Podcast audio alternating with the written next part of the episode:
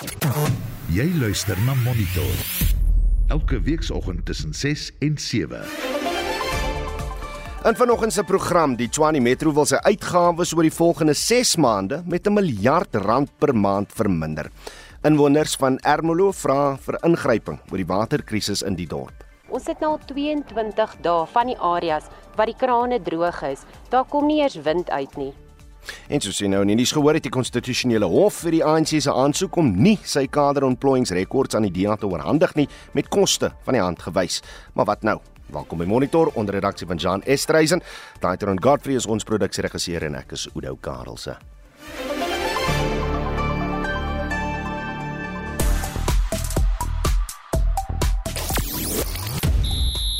In jou sportnuus, die Proteas se toporde sukkel op dag 1 van die tweede kriekettoets teen Nieu-Seeland se Swartpette in Hamilton. By die Wêreldswemkampioenskap is daar verskeie jong Suid-Afrikaanse swemmers wat uitblink en twee van Europa se grootste spanne vanaand in die ronde van 16 by die UEFA Kampioenligga beker in aksie. Nou vandag is Wêreld Radio Dag en vanjaar se tema is radio 'n eeu van inligting, onderrig en vermaak. Die vraag vanoggend is net watter rol speel radio in jou lewe? En nou hoe die manier van hoe jy na radio luister verander. Ek is net nuuskierig. Hoeveel van julle skakel steeds 'n regte radio aan? 'n Toestel wat voorop sê AM FM radio want deesdae is alles digitaal mense mense luister deur hulle rekenaars hulle luister deur toepassings op op hulle fone so hoeveel van julle skakel nog daagliks 'n radiotoestel aan. Laat weet, ek soek vanoggend die oudste radiotoestel onder julle. Deel jou liefde vir radio met ons deur 'n SMS te stuur na 45889. Dit kos jou R1.50 per SMS of jy kan vir ons 'n WhatsApp stemnota stuur na 0765366961. Monitor jou oggendnuusprogram op RSG byna 10 minute oor 6. Inwoners van Ermelo en Mpumalanga sê die Msukalikwa munisipaliteit versuim in sy plig om skoon drinkwater aan hulle te voorsien. Sommige inwoners beweer hulle het sedert die begin van hierdie maand geen water in hul krane nie. Anne Marie Jansen van Vierenburg.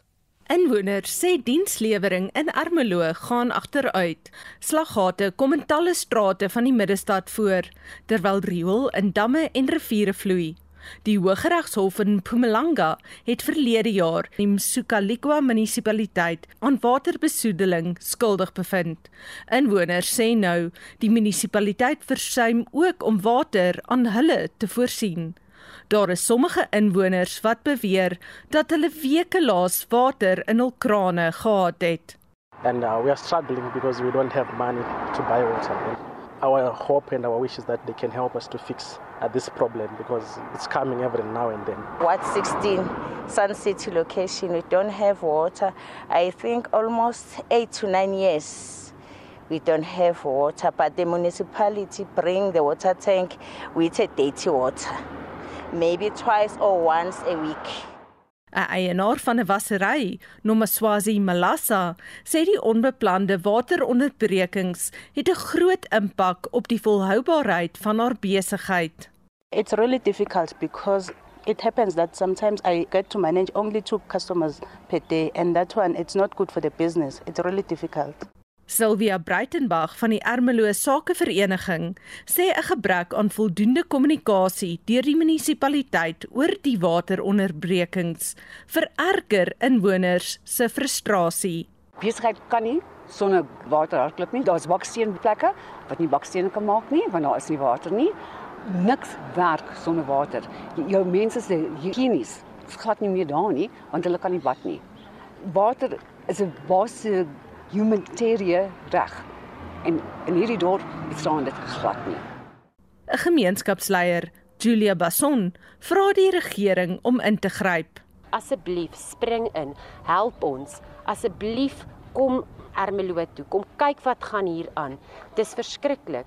Water is 'n basiese reg. Sonder 'n basiese reg, hoe moet jy oorleef? Dit is onmenslik om mense te vra om water te betaal, maar daar's nie water in jou kraan nie. Dis onmenslik om vir 22 dae nie 'n druppel water te hê nie. Ou mense moet met emmers rondloop kilometers ver om water aan te loop na hulle huise toe. Die watertrok van die munisipaliteit kom 1, 2 keer 'n maand.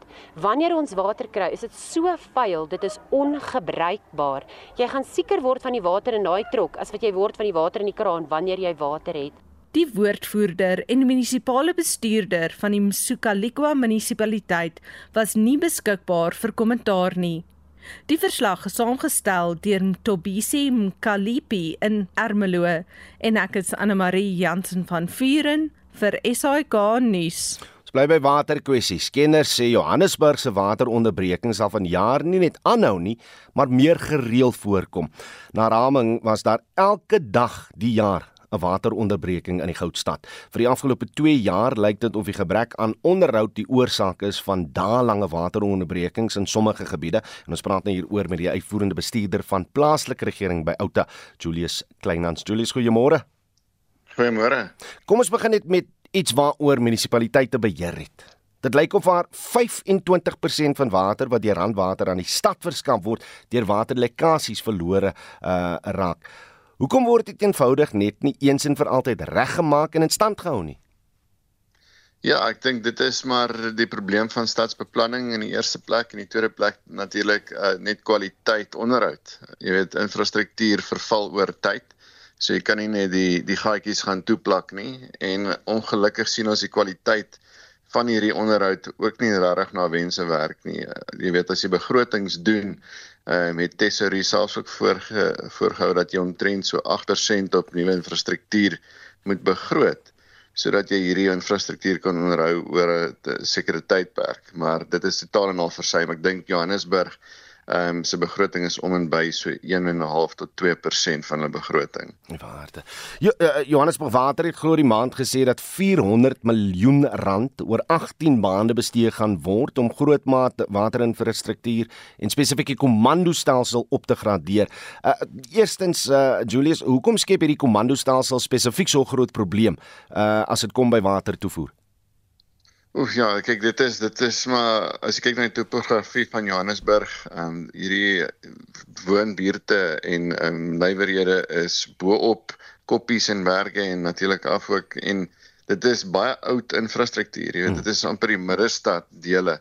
So ehm um, baie van hierdie waterpype en goeders onder die grond is nog nooit weer vervang nie en is daar al vir jare lank eh, vir 3 tot 4 dekades van hierdie water, waterpype en Ehm um, ongelukkig sien ons ook net dat daar meer en meer druk toegepas word op hierdie infrastruktuur weens ehm um, nuwe geboue opskiet in die lug in en daar nie noodwendig addisionele kapasiteit vir water geskep word nie. Ek wil nou nie pessimisties klink nie, klink nie maar as 400 miljoen rand genoeg. Nee, dis nie naby genoeg nie. Dit is dit is ver kort en ek is sal verbaas wees as die mense selfs 400 uh, miljoen rand sien uh want ek dink nie die stad is in 'n baie goeie finansiële toestand nie en natuurlik diegene wat uh die fondse en so aan ook oorsien um is ook nie regtig ek dink nie hulle beste belang is om hierdie tipe waterinfrastruktuur te onderhou nie. Ek ek moet ook by sê um jy weet daar is goeie mense wat nog in Randwater werk ag in in Johannesburg water werk um, maar ek dink ook die frustrasie is dat ehm um, diegene wat oorsiening doen en dis nou jou politieke ehm um, klomp daarso in Johannesburg uh, het nie noodwendig die water uh, begrotings aangewend dat baie goeders soos Engelsman sal sê geringfens word mm, mm. Um, om waterbestuur toe te pas nie. So daai geld gaan na ander gebiede toe wat nie noodwendig aangewend word vir wateronderhoud nie. So wat staan julle nou te doen? Uh, hoe kan 'n organisasie soos Auto seker maak en jy het reeds gesê die 400 miljoen rand is nie voldoende nie, maar dat daai geld oor die 18 maande uh, waarna bestee gaan word, daai geld eintlik waarde bring aan aan die mense hier in Gauteng? Ja, weet jy, ek dink vir al die luisteraars, ek dink dit is nie net vir Johannesburg nie. Ons moet regtig as gemeenskappe begin organiseer en deel raak by ons um, residents associations of, of gemeenskapsforums en hierdie tipe goed. En ons moet begin um by hierdie hierdie publieke deelname prosesse betrokke raak. Maar ons moet ook sien watse kontrakte en projekte um in ons gebiede plaasvind sodat ons kan begin oorsig gebied. Anders gaan ons sien dat jy het 400 miljoen rand byvoorbeeld nou toegeken word om hierdie infrastruktuur op te gradeer, maar jy gaan 'n sloot sien uh gegrou word en dan na 2 jaar gaan jy nog steeds nie 'n pyp sien wat vervang is nie. So ek dink ons moet ons kant begin bring om seker te maak dat uh, projekte op tyd en stiptelik binne begroting plaasvind. En as dit nie doen nie, moet ons begin aksie neem daarop. Julius Kleinhans is die uitvoerende bestuurder van 'n plaaslike regering by die organisasie Outa. Ons uh, bly by dienste, munisipale dienste uh, en ons praat nou met uh, die uitvoerende burgemeester van uh, Tshwane, Silje Brink en natuurlik uh, die Tshwane Metro Raad het gister baie hoë doelwitte gestel om elke maand sy inkomste tot 1 miljard rand in die volgende 6 maande te verhoog en sy uitgawes te besnoei. Silje, goeiemôre. Hallo Udo. Wat is bo aan jou lys van uitgawes wat oorbodig is? Wel, dit is nie seker die uitgawes wat oorbodig is nie, alhoewel daar sekerlik besparings gemaak kan word uit ons uh, verkrygingsproses. Dit is meer water en elektrisiteitsverliese wat ons kan verminder. Ehm um, soos byvoorbeeld deur onwettige elektrisiteits- en waterverbindings uh, af te sny en seker te maak dat ons ons belastingadministrasiestelsel uh weer regstel. Mm. Want dit is sal weer die gebreke in hierdie stelsel en ek het al voorheen gepraat van ons invorderingswaardeketting wat deels gekaap is en in deels het gebreek is uh wat lei tot uh, tot verliese soos ons doen hierdie aankope by Randwater en Eskom en uh dan word dit nie gemeter nie en dan word dit nie verreken nie en dan word dit nie betaal nie. So hmm. Jou rekening loop op by die groot verskaffers uh, maar jy kry nie die inkomste van die van die verbruikers en dit is wat ons moet regstel. Sien. Ek wil net vinnig ek, ek gaan weer terugkeer daarna toe. Ek wil net vinnig aansluit by die kwessie wat wat uh, Outa nou uh, oorgesels het met ons oor watertoevoer en en meer spesifiek lekkasies. En en hoeveel water verlore gaan as gevolg van pipe wat lek. Wat is die situasie in Tshwane? En en is dit soos Outa sê amper onmoontlik om nou eenmalig te kan begroot om alle lekkasies reg te maak? Dit is onmoontlik om eenmalig te begroot van die toestand wat wat in munisipaliteite nou is. Is die gevolg van jare se vermoorde geld, jare se onderinvestering in infrastruktuur. En dit is nie 'n probleem wat jy oornag gaan regstel nie. So mense kan met innoverende oplossings kom, byvoorbeeld in plaas van om 'n hele netwerk van pype te vervang, kan jy tegnologie gebruik om vas te stel watter dele van daai netwerk is die mees kwesbaar. Maar natuurlik moet ons ook dan waarde vir geld uit ons tenderproses kry. Dit is 'n groot probleem. Die manier hoe Suid-Afrika se verkrygingswette en tenderwette geskryf is, allerhande sosio-ekonomiese oogmerke moet daardeur bereik word. Groepe moet bemagtig word, maar aan die einde van die dag is die grootste oorweging vir enige munisipaliteit of regering waarde vir geld. Jy moet bru bou wat nie verkrummel nie. Jy moet pype aanlê uh, wat nie bars nie. Jy moet kontrakteurs aanstel wat op tyd en op begroting projekte kan finaliseer. En hoe ook al mense kan vingerwys en sê hierdie munisipaliteit of daai munisipaliteit is korrup of uh, hulle het nie mooi gedink oor die tender spesifikasies nie dit is die nasionale wetgewing en die nasionale reëls wat uh, wat tot 'n groot mate die omgewing skep hmm. waarin soveel geld vermors word. Reg, kom ons praat dan weer oor hoe jy addisionele inkomste gaan kry. Swane Yatima loop nog vlot, lyk dit my, maar hoeveel addisionele inkomste het dit sover ingewin en uh, hoe anders gaan jy julle kredietbeheerstelsels gebruik om meer inkomste in te kry vir Swane? So daar's twee bene. Die eerste been is ons debiteure boek wat staan op 23.3 biljoen rand. Nou dit op sigself is 'n teken van 'n belastingadministrasiestelsel wat nie werk nie en wat reggestel moet word. Maar Oudo selfs al kan ons 'n kwart van daai 23.3 biljoen rand invorder.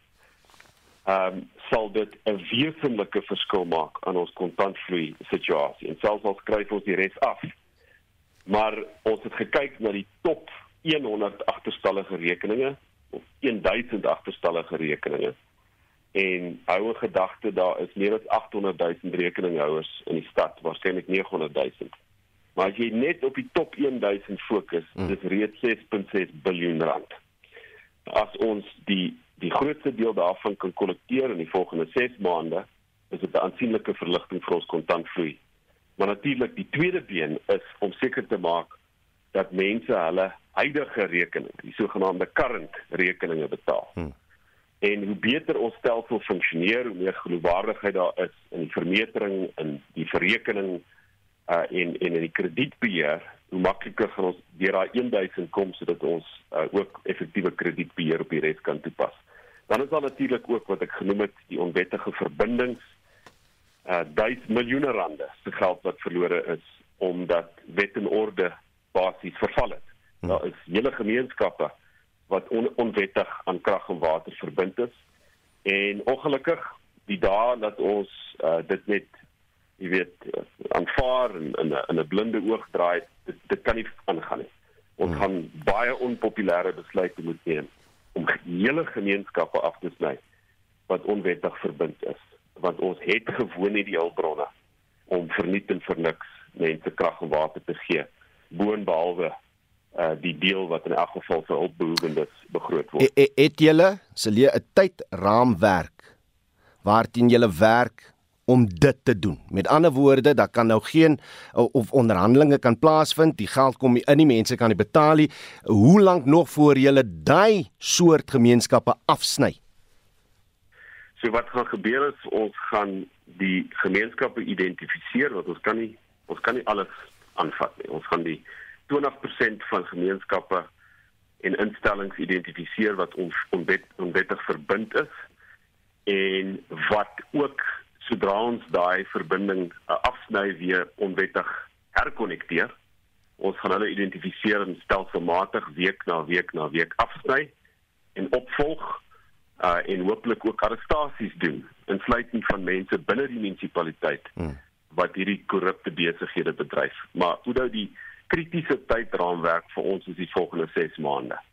Dit is die tydperk tot die volgende begroting van die stad en as ons nie hierdie tyd uitkoop nie, gaan die opsies vir Tswane en vir die verbetering van dienslewering al hoe minder word. Maar verduidelik net wat dit beteken. So binne 6 maande is julle en dis 'n massiewe doelwit. 'n Ekstra miljard rand as julle daai teiken nie bereik nie. Watter dienste kan julle dan nie vir die mense van Tswane lewer nie? Ag, dan gaan ons geheel en al moet kyk na al die dienste wat die munisipaliteit lewer, soos byvoorbeeld sosiale ontwikkeling, klinieke, ehm um, ander sekondêre dienste wat ons deel met ander sfere van regering. Ons sal moeilike besluite dan moet neem. En geen munisipaliteit wil in hierdie afwaartse spiraal wees nie, want ons sien dit, dis die toestand van munisipaliteite in die Vrystaat en Mpumalanga in die Noordwes. Hulle maak nie die moeilike besluite nie en dinge gaan geleidelik agteruit en almal is in ontkenning uh totdat alles op die uiteinde verval. En dit is die afwaartse spiraal wat ons wil ontsnap. So, Oudo, ons sou op dreef gewees het glo ek as dit nie was vir die onwettige staking nie, uh wat op sigself die die produk was van moeilike en verantwoordelike besluite by die stad. Daai staking het ons uh het ons planne uh, ernstig in die wiele gery want jy kan nie regtig op 'n op 'n aggressiewe kredietbeheerveld toe gaan as vullis nie verwyder word nie en as jou vullis trokke brand in die strate. Maar nou is die staking verby en ek dink die vakbonde en en die werknemers van die stad besef ook dat as ons nie die stelsel reg regstel nie, dan gaan daar geen salarisverhogings wees in die afsienbare toekoms nie. En erger is dit ons sal moet moet kyk na afleggings uh, as die finansiële situasie nie verbeter nie. So Leebrank is die uitvoerende burgemeester van die Tshwane Metro. Ons bly by die DA want hulle het natuurlik 'n ANC hof toe gesleep om uh, seker te maak dat hulle hulle kader ontplooiingsrekords ontvang.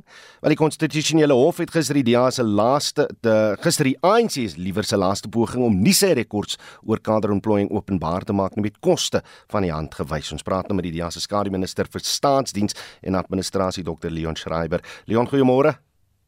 Goeiemôre Oudo, lekker om weer te wees. So, hoe lank voor hy dokumente in julle hande moet wees?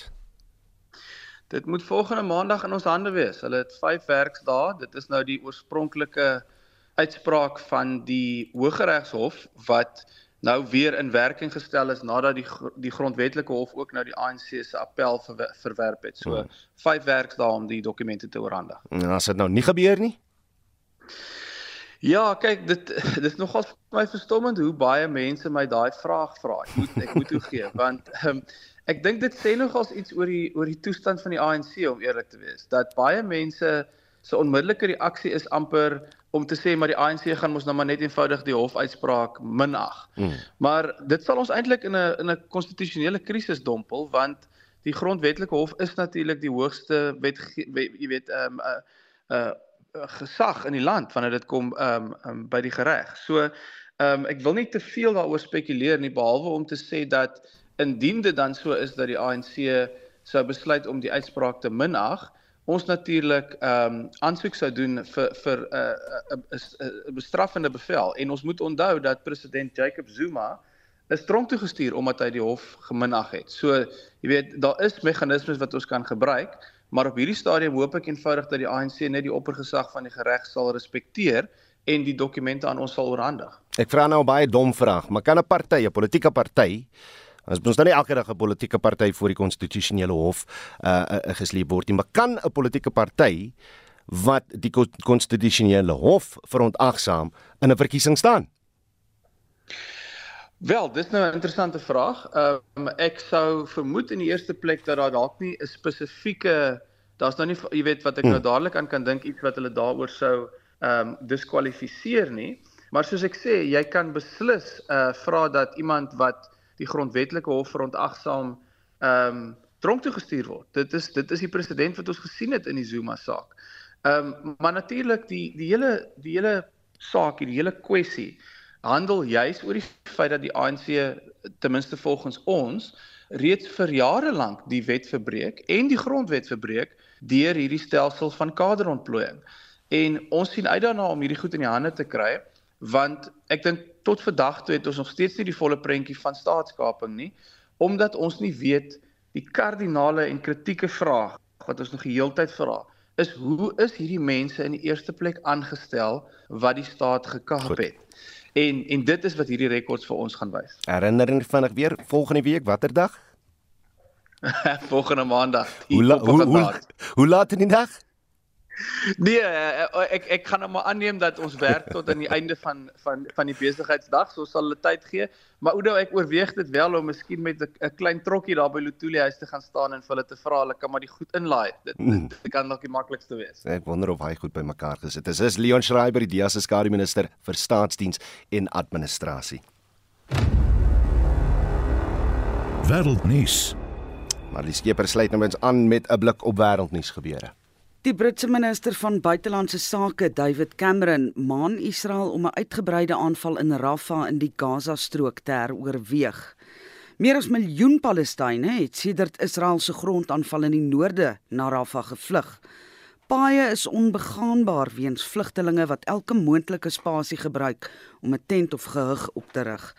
Tydens die Israeliese operasie om twee gijslaers te red, is 67 Palestynë volgens die Hamas beheerde gesondheidsministerie dood.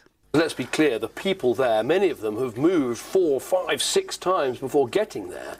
And it really, we think, is impossible to see how you can fight a war amongst these people. There's nowhere for them to go. They can't go south into Egypt, they can't go north and back to their homes because many have been destroyed. And we want Israel to stop and think very seriously before it takes any further action. Dit was David Cameron, die Britse minister van buitelandse sake. In Afrika, verpleegsters en vroedvroue in Abuja in Nigerië dreig met 'n landwyse staking nadat nuwe regulasies vir die gesondheidswerkers ingestel is. Die verpleegers sal vanaf 1 Maart onder meer 'n verifikasietarief moet betaal sodat hul agtergrond nagegaan kan word. Die gesondheidswerkers sê die nuwe regulasies maak inbreuk op hul privaatheid. Die BBC korrespondent Andrew Ocheng The nurses will now be charged verification fees and will have to have practiced in Nigeria for at least two years before the authorities will confirm their credentials. The nurses have said the government should improve their working conditions instead of curtailing their freedom to practice wherever they want. The Nigerian authorities last year said that more than 75,000 nurses and midwives had left the country in just five years, leading to a huge shortage at home. En op eie bodem president Cyril Ramaphosa sal die naweek die Afrika Unie beraad in Addis Ababa in Ethiopië bywoon. Vanjaar se tema is die implementering van die Afrika Vrye Handelsooreenkoms en die bespoediging daarvan. En na verwagting sal Mauritanië die voorsit voorsitterskap by die Komor oorneem. Die AU se G20 lidmaatskap sal ook bespreek word. Suid-Afrika se ambassadeur vir die AU, Zolisa Makaya.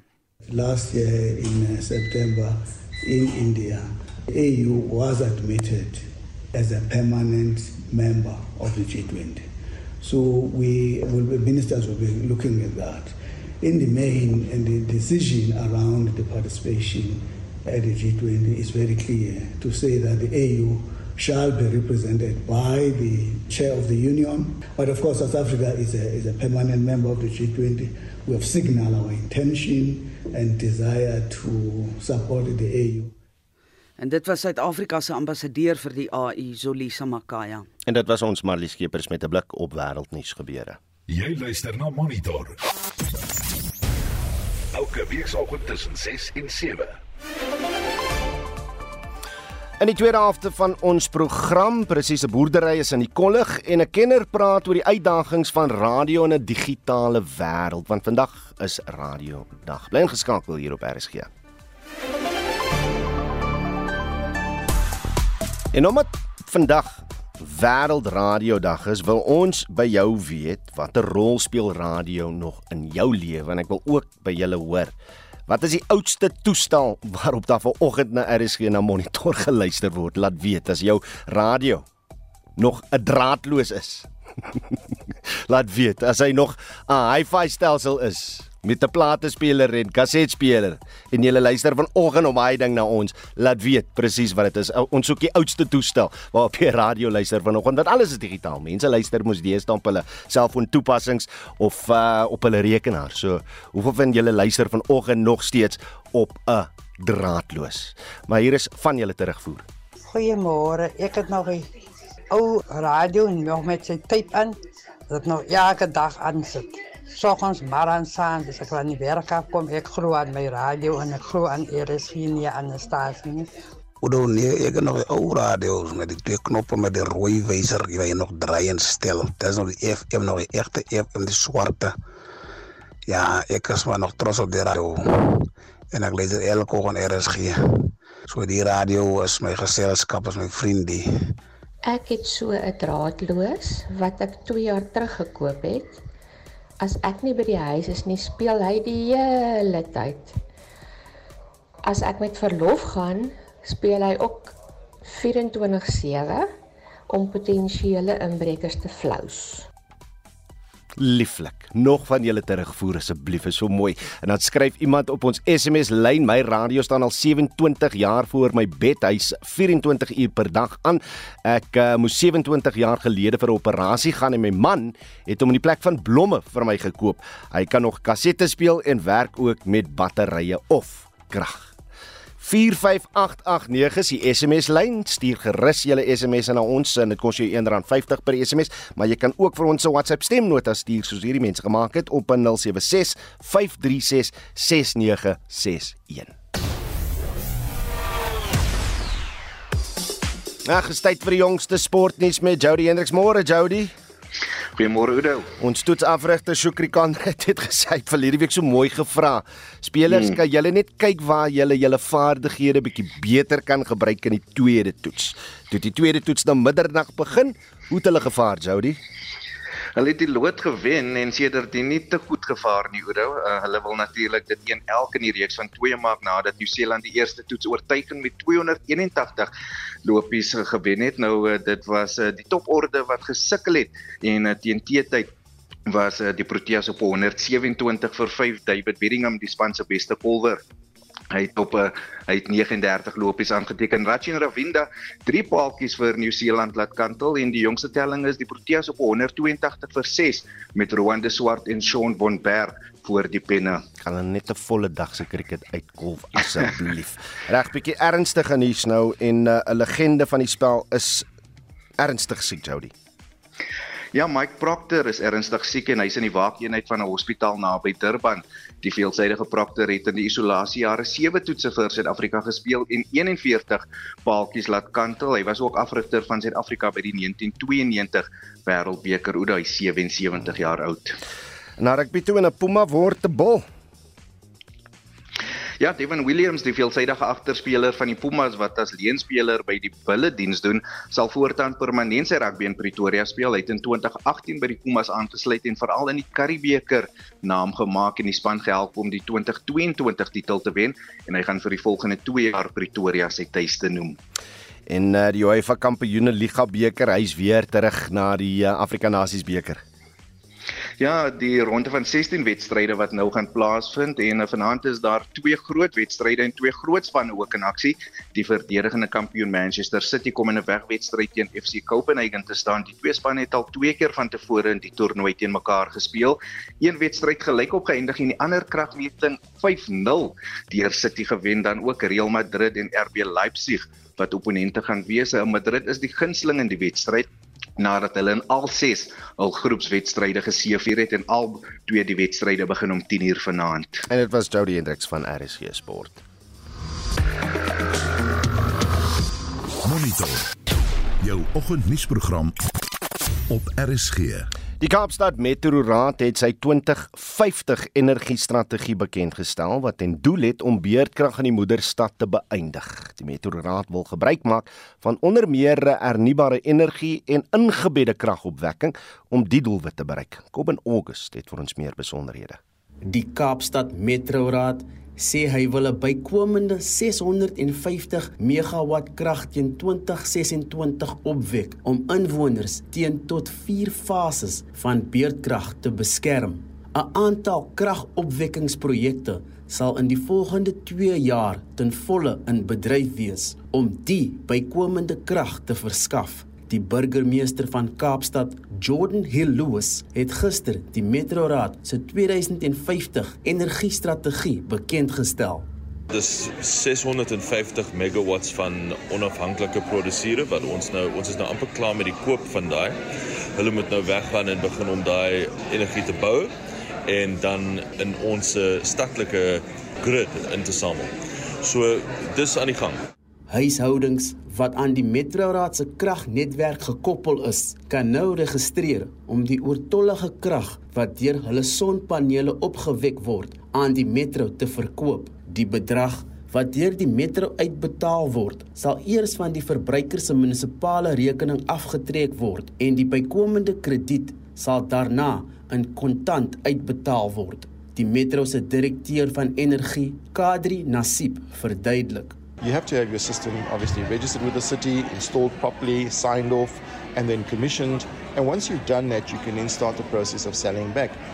But it's not a cash for power in the sense that you'll be paid immediately for every kilowatt hour. You first have to offset your municipal account with the city. And so once you've done that, you'll start to build up a credit, and then the city can reimburse you for that credit at a particular point in the course of the year. Die Kaapstad Metroraad sê die Steenbras hidrokrag aanleg beskerm verbruikers teen soveel as 2 fases van beurtkrag waar moontlik. Ek is Kobben August in Kaapstad. Die Landbou Navorsingsraad en die Departement van Landbou, Grondhervorming en Landelike Ontwikkeling hou al eerste gesamentlike jaarkonferensie in Pretoria. Ons praat nou met die bestuurshoof van Ekbus, Theo Boshoff, wat gister aan paneelbesprekings deel geneem het. Theo, goeiemôre. Môre. Hoe belangrik is dit dat hierdie rolspelers spesifiek op die konferensie uh byeenkom? Ja, ek verstaan as jy dis die eerste so tipe konferensie in 30 jaar wat dit um, belangrik maak. Dis eintlik maar vir die navorsingskant af. Hmm. So dis nie die industrie rolspelers soos onsself daar was maar net gaste, maar dit gaan eintlik dan maar dis nie beleining van wat binne kan die provinsies aangaan, die tipe navorsing wat hulle na soek, die landbenavorsingsraad en natuurlik akademia self. So ek dink op die ouende is dit eintlik ehm um, dis natuurlik positief vir die industrie want dit beteken dat hopelik sal daar bietjie meer beleining wees en dat mens nie duplicate hmm. ehm um, navorsing doen nie. En wat ook baie belangrik is, die navorsing wat gedoen is werklik vir die industrie hier het 'n bydrae gemaak. Uh, na gister se paneelbesprekings, uh, jou indrukke van wat sover gebeur het?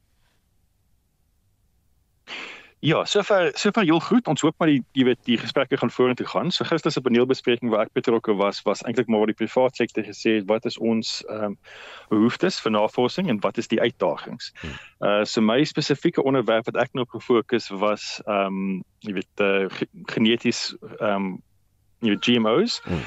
en wat mis wat wat genoem is die sogenaamde ehm um, presisie precision um geteelde organismes, jy weet of of NBIs in Engels wat hulle noem, wat 'n nuwe tipe of 'n ander tipe organisme is wat nie wat internasionaal nie soos 'n gewone GMO gereguleer word nie. Nou ongelukkig in Suid-Afrika word dit dan dieselfde gereguleer as alle GMO's wat nogal uh, groot e ekonomiese gevolge vir private sektor kan hê. Ge gee ons ons luisteraars net so 'n paar voorbeelde van die aanwending van hierdie presisiegebaseerde organismes as ek dit mag noem in die, in die boerdery. Ja, ja. Ja, nee, 100%. So die hierdie presies presisie organismes, jy weet, dit is vir klimaatsverandering geweldig belangrik, want dit is 'n tipe nuwe saadtegnologie en dit gaan eintlik alles maar oor hoe hierdie saadtegnologie ehm um, word gemaak word. So dit is prosesse wat natuurlik kan gebeur in die natuur oor baie lank tyd wat dan net baie vinnig bespoedig word. So vir klimaatsverandering is dit geweldig belangrik want natuurlik jy weet die tipe eienskappe wat jy dan wil uh beklemtoon is byvoorbeeld ehm um, jy meer bestand teen droogtes, minder water gebruik, meer bestand teen ehm um, tropiese pestes wat met klimaatsverandering natuurlik al hoe meer en meer belangrik word. So dit is geweldig belangrik vir die bedryf. Hmm. Ehm um, maar die die uit jy weet so dit is positief ons ons het ons het hierdie tipe ehm um, organismes nodig. Nou baie ek wil amper sê conventional GMOs het van dieselfde eienskappe, hmm. maar die verskil is jy weet met ons uh, van ons grootste handelsvennote vir al die Afrika kontinent ehm um, van land van vaar byvoorbeeld nie produkte wat uh, wat GMO is nie. Nou hierdie presisie organismes ehm um, word oor algemeen jy weet en, en dit wissel natuurlik van land tot land, maar hmm. daar is so jy weet 'n konsensus besig om te vorm internasionaal dat hulle nie dieselfde gereguleer kan word as normale GMO's nie. So die implikasie daarvan is as ons daai selfde tipe raamwerk kan kry, is dat mens potensieel, jy weet, die nuwe markte wat oopmaak na Suid-Afrika waar ons die produkte van hierdie organismes kan kan uitvoer, maar natuurlik die teenkant daarvan as as die regulasies nie verander nie en as dit bly so wat tans is waar alles onder dieselfde kam geskeer word as GMO's dan uh, is dit 'n dis dis 'n groot geleentheid wat mens mis. So mens kan nie met daai lande handel dryf nie. Wat wat hmm. ook natuurlik geweldig belangrik is, is baie van hierdie Suid-Afrika is 'n belangrike mark ehm um, vir die suidelike halfrond vir die genetika, maar ons is bly nog steeds 'n baie klein mark. Ek dink ons is omtrent 2% van die wêreld se se mark binne kom na saad.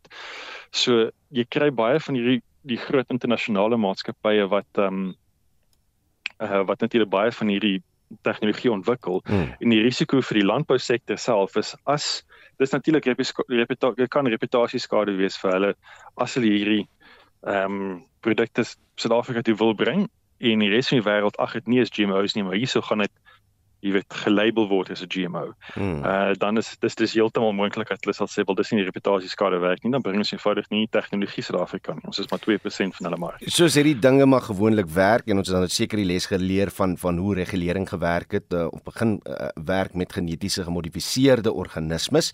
Um hoe gaan hierdie proses nou ontvou? Waar staan Suid-Afrika?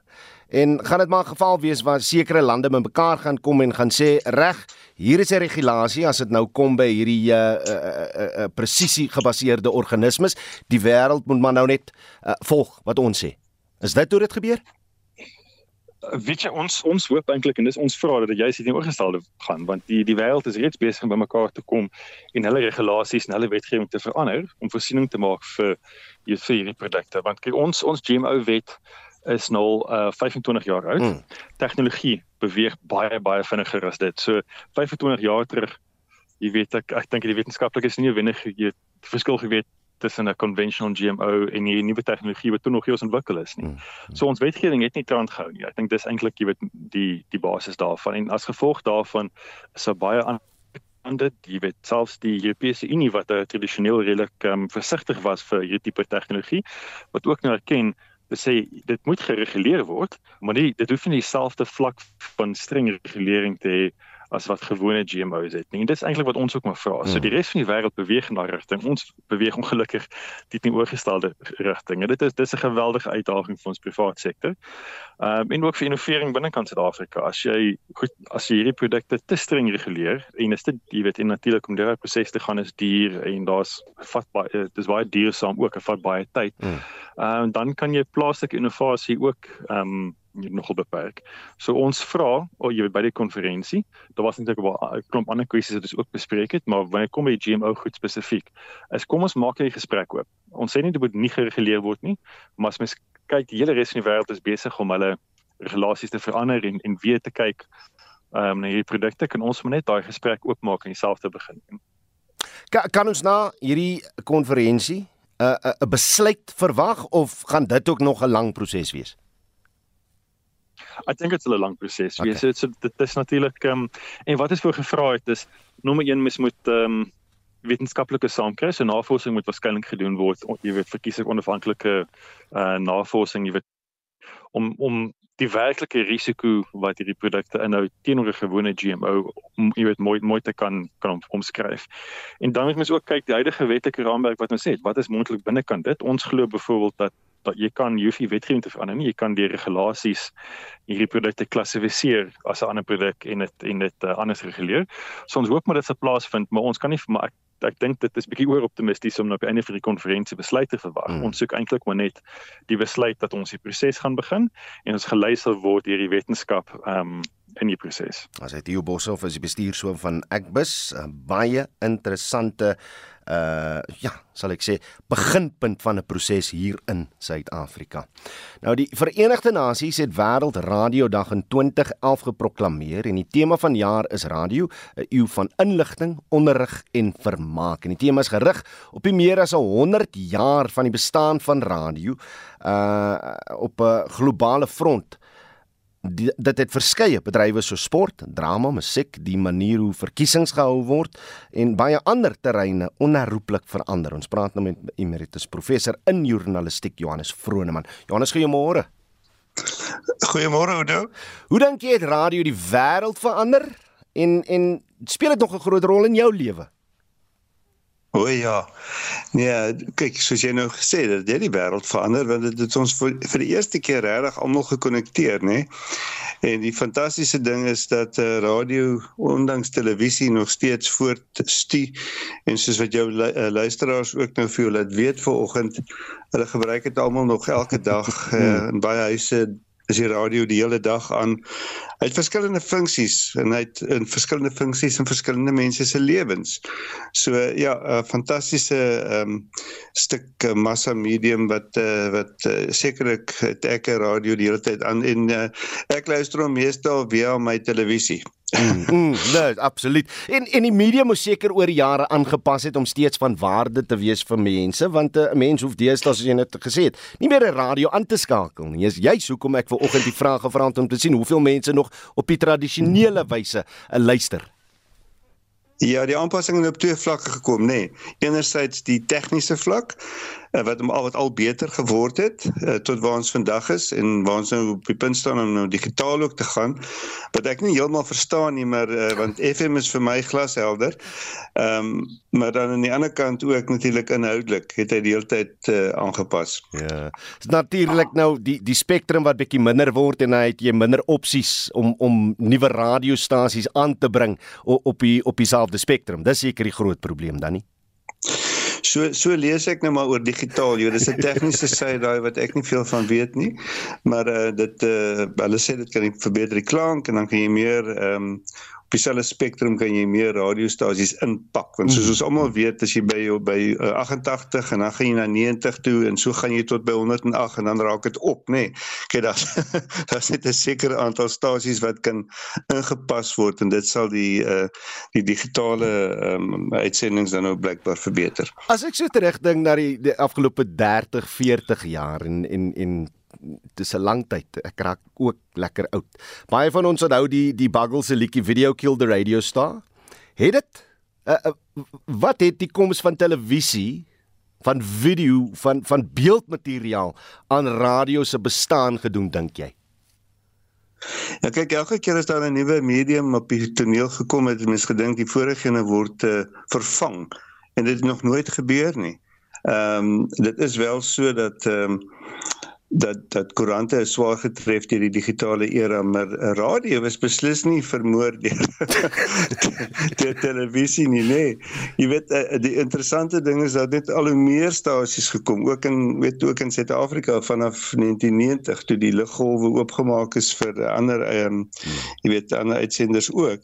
So nee hy hy het hom ek dink ons gebruik net al hoe meer media. Mm, mm. jy weet so jy weet eh, televisie het gekom en hy sekerlik mense se aand luistergewoontes nogals aangepas. Ja. Nou, maar niemand sit uh, jy weet 10 uur in die oggend en luister TV eh, by die werk nie, maar jy kan by die werk sit en radio luister. Hmm. So ek dink mense se ehm um, gebruik van radio het het sekerlik wat in terme van tyd en en wanneer hulle luister in sommige gevalle aangepas soos dit ook eintlik ehm um, koerante geraak het maar eh uh, die feit van die saak is daar's nog steeds aand ehm um, radio en baie mense vlug nog steeds na na aand radio juis omdat dit wat op televisie aangebied word nie altyd jy weet die moeite werd is nie.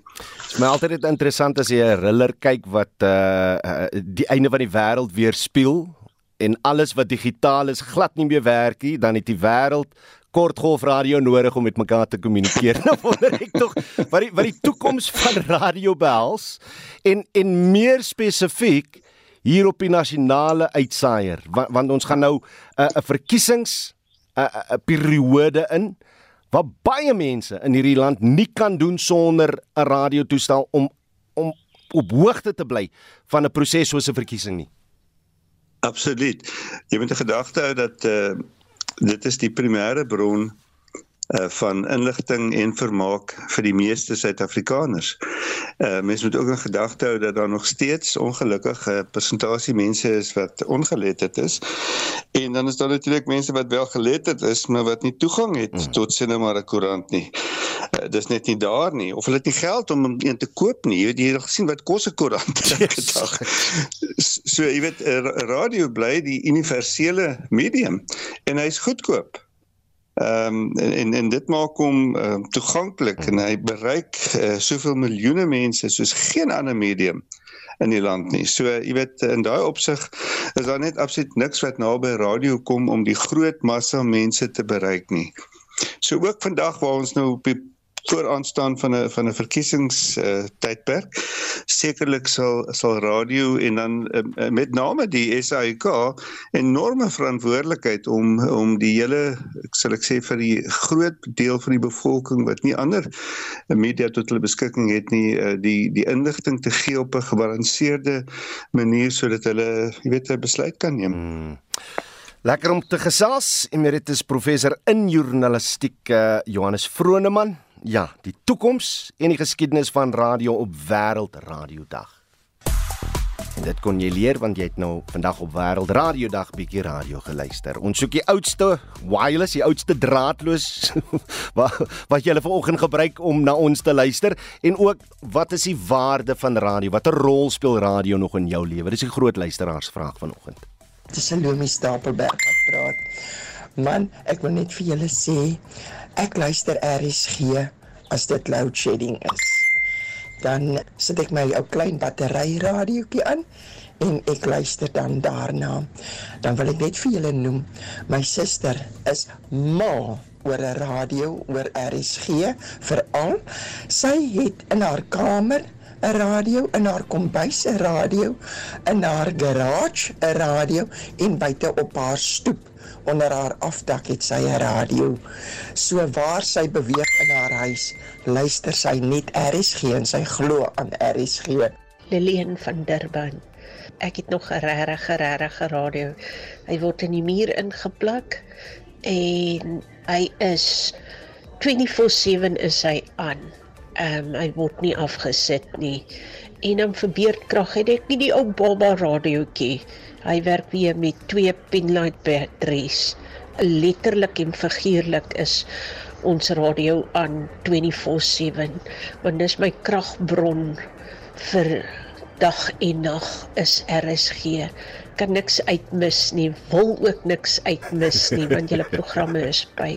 Lieflike dankie daarvoor. Nog van julle boodskappe boodskappe asseblief net so 'n paar SMS'e. Pieter skryf ek het 'n Hotro stelsel wat ek in 1986 gekoop het en hy werk nog steeds. Dan het iemand 'n National Panasonic FM transistor radio. Hy het hom gekoop uh, ongeveer 40 jaar terug. Dis Jakob de Villiers, die oudste stelsel by te laat weet. 45889 is die SMS lyn of jy kan vir ons ook 'n uh, WhatsApp stemnota stuur op 0765366961. Ons groet namens ons uitvoerende regisseur Nicoline Lou, ons redakteur vanoggend Jan Estreisen, ons produksieregisseur Daitron Godfrey en ek is Udo Karel. Se totsiens.